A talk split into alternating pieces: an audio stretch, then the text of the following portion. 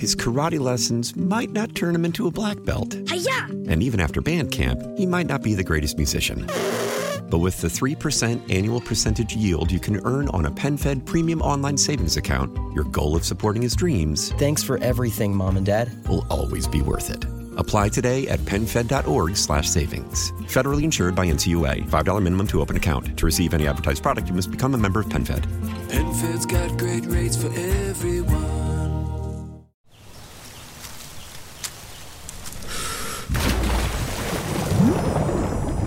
Finial Media Network. Bir zamanlar bilinmeyen uzak diyarlarda bir kral yaşarmış. Bu kral anlatıldıkça onu meraklandıracak sihirli masallar duymadan bir gram bile uyuyamazmış. Hatırladım ey yüce kralım. Halife Harun Reşit, veziri Cafer ve muhafızı Masrur bir gece önce rastladıkları tuhaf kralla birliktelerdi. Ve genç adam onlara yaşadıklarını başından sonuna kadar anlatmaya başlamıştı. Dükkanımı, ailemi, topraklarımı ardımda bırakarak aylarca onun yanında kaldım. Ve bir gün bana şöyle dedi. Gözümün nuru. Efendim Muhammed. Bugün hamam günüm. Beni burada bu yatakta bekle ve ben dönene dek kıpırdama. Bana yemin ettirdi. Ve ben de başım üstüne dedim. Ayrıca yerimden hareket etmeyeceğim üzerine de yemin ettirdi ve ardından yanına cariyesini alarak hamama gitti. Allah şahit efendiler. Hanım daha koridora varmadan kapının tıklatıldığını duydum. Kapı açıldığında yaşlı bir kadın içeri girdi ve şöyle dedi. Efendi Muhammed, Zübeyde Hatun sizin ne kadar muhterem bir zat olduğunuza, eğlencenizin ne hoş, sesinizin ne güzel olduğuna vakıf olmuş ve sizi görmek ister. Ben de ona dedim ki, Dünya Hatun dönene dek yerimden bile kımıldama. Yaşlı kadın da şöyle dedi. Aman efendim, Zübeyde Hatun'u hiddetlendirip onu kendinize düşman etmeyin. Yalnızca gelip konuşun. Sonra yine dönersiniz. Hemen ayaklanıp peşinden gittim. Yaşlı kadın Zübeyde Hatun'un yanına kadar bana eşlik etti. Ve Zübeyde Hatun'un huzuruna çıktığımda kendisi bana şöyle dedi. Gözümün nuru.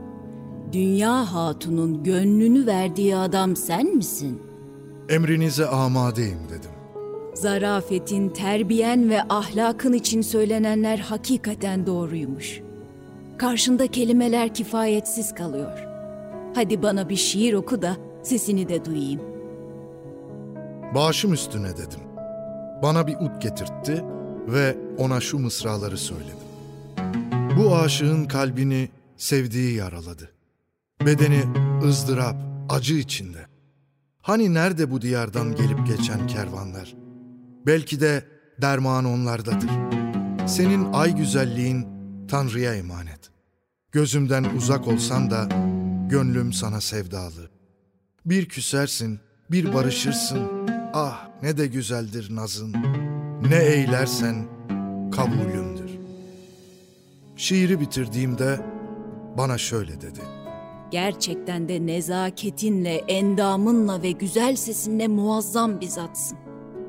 Hadi dünya hatun dönmeden odana git. Dönüp de seni yerinde bulamazsa sana darılabilir. Hürmetle önünde eğildim ve odaya döndüm. Ancak döndüğümde Dünya Hatun çoktan hamamdan dönmüştü ve yatakta uyuyordu. Dizinin dibine oturup saçlarını okşadım. Güzel gözlerini usulca açtı. Lakin beni görür görmez iterek yataktan attı.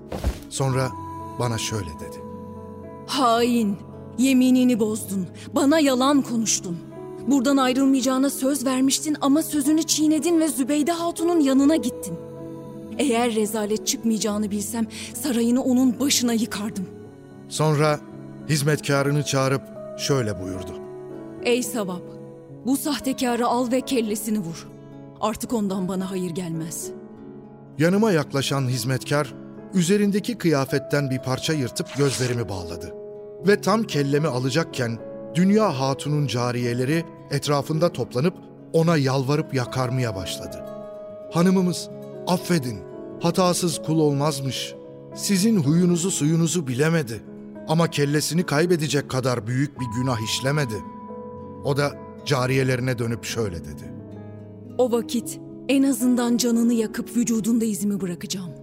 Beni cezalandırmaları için hizmetkarlarına buyurdu. Onlar da kemiklerimi kırdılar. Anlayacağınız bugün gördükleriniz o dayağın izleridir. Sonra da beni dışarı atıp saraydan uzaklaştırılmamı emretti.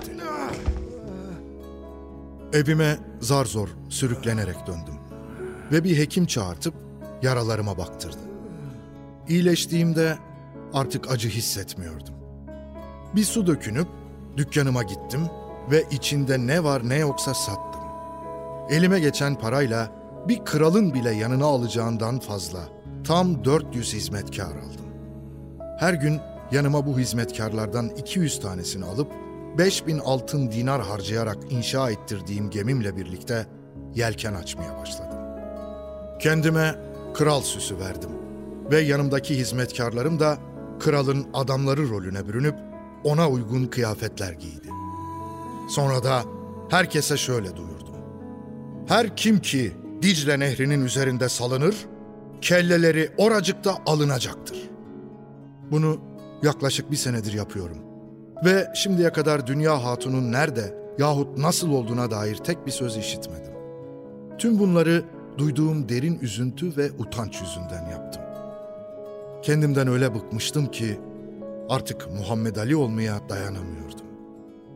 Muhammed Ali yaşlı gözlerle duygularını hiç saklamadan şu dizeleri söylemiş. Onu asla ve kata unutmam. Kimselerin gözümdeki yerini değiştirmesine Tanrı şahidim olsun ki müsaade etmem. Dolunay onun suretindedir. Onu yaradan Tanrı'ya şükürler olsun. Onsuz ben bedbaht, uykusuz ve huzursuz. Biçare gönlüm aşkına tutulmuş. Harun Reşit, genç adamın çektiği acıyı, ızdırabı ve hala kaybetmediği umudunu fark edince hayli şaşırmış ve duygulanmış. Ardından Harun Reşit ve beraberindekiler genç adamdan müsaade isteyerek kalkmak istemişler. O da müsaade etmiş. Halbuki Kral Harun bu genç adam adına adalet sağlamak ve onu mutluluğa kavuşturmak için çoktan niyetlenmiş.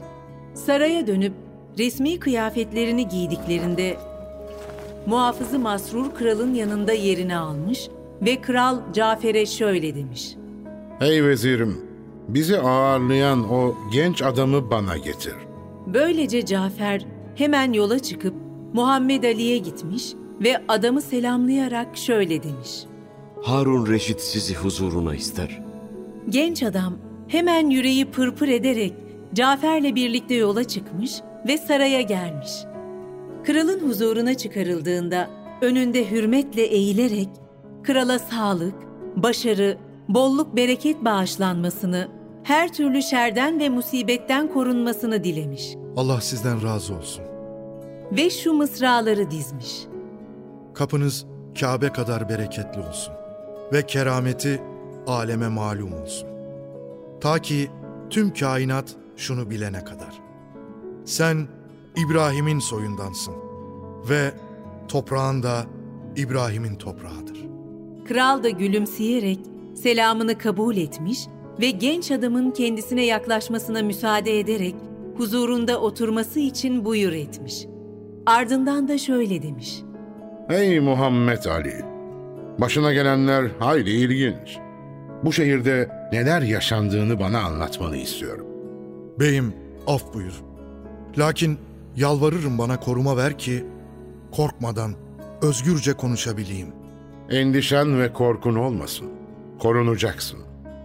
Genç adam hikayesini başından sonuna kadar anlatıp bitirdiğinde kral onun sırılsıklam aşık olduğunu ama sevdiğinden ayrı kaldığını zaten biliyormuş ve şöyle demiş. Onu sana getirmemi ister misin? Teşekkürler beyim. Ardından da şu metiyeyi dizmiş. Şu elleri öpün. Çünkü o eller bereketin kapısını aralar. Amellerine şükredin. Çünkü onlar kulağımıza küpe olacak kadar hikmetlidir. Kral vezirine dönüp şöyle demiş. Ey Cafer, git ve kız kardeşin Vezir Yahya bin Halid'in kızı Dünya'yı bana getir. Cafer dünyayı getirmek için yanlarından ayrıldığında kral ve Muhammed beklerlerken kral ona şöyle demiş. Seni de başına gelenleri de anlıyorum Muhammed. Sana yardım edeceğime ve seni mutlu edeceğime söz verdim. Lakin şu sözlerim bir ömür boyu kulağına küpe olsun. İnsan asla kendinden kaçamaz. Kendi dertlerinden kaçmak için başkasıymış gibi davranmak riyakarlıktır. Herkesi kandırabilirsin. Lakin kendini asla. Kaçmaya ya da kurtulmaya çalışmak beyhudedir. Muhammed onun ellerini öperek şöyle demiş. Emriniz başım üstünedir beyim. Affedin bu kulunuzu.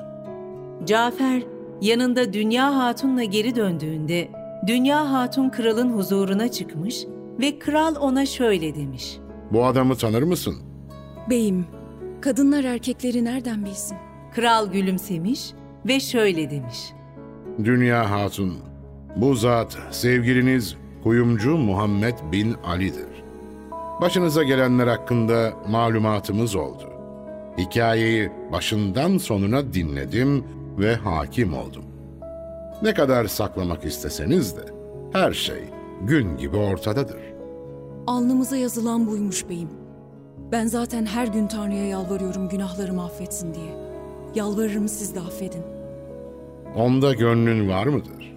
Yeniden bir araya gelmek ister misin? İsterim elbet beyim. Yaptıklarımdan pişmanım ve onu seviyorum. Eğer bir araya gelmemize razı gelirseniz bize büyüklük göstermiş olursunuz. Kral Harun Reşit gülümsemiş. ve kadıyı çağırtıp şahitlik ederek nikahlarını yeniden kıydırtmış. Ve onlar da ömürlerinin sonuna kadar mutlu mesut yaşamışlar. Muhammed Ali daha sonra kralın en güvenilir adamlarından biri olmuş ve bunun için her daim minnettar kalmış. Ta ki günün birinde tüm bu şaşanın yok oluşuna ve herkesin dağılışına şahit olacakları gün gelip kapılarına dayanana kadar. Ve gün Şehrazat'ın üstüne ağarmaya başlamış. Böylece masalın devamı sonraya kalmış.''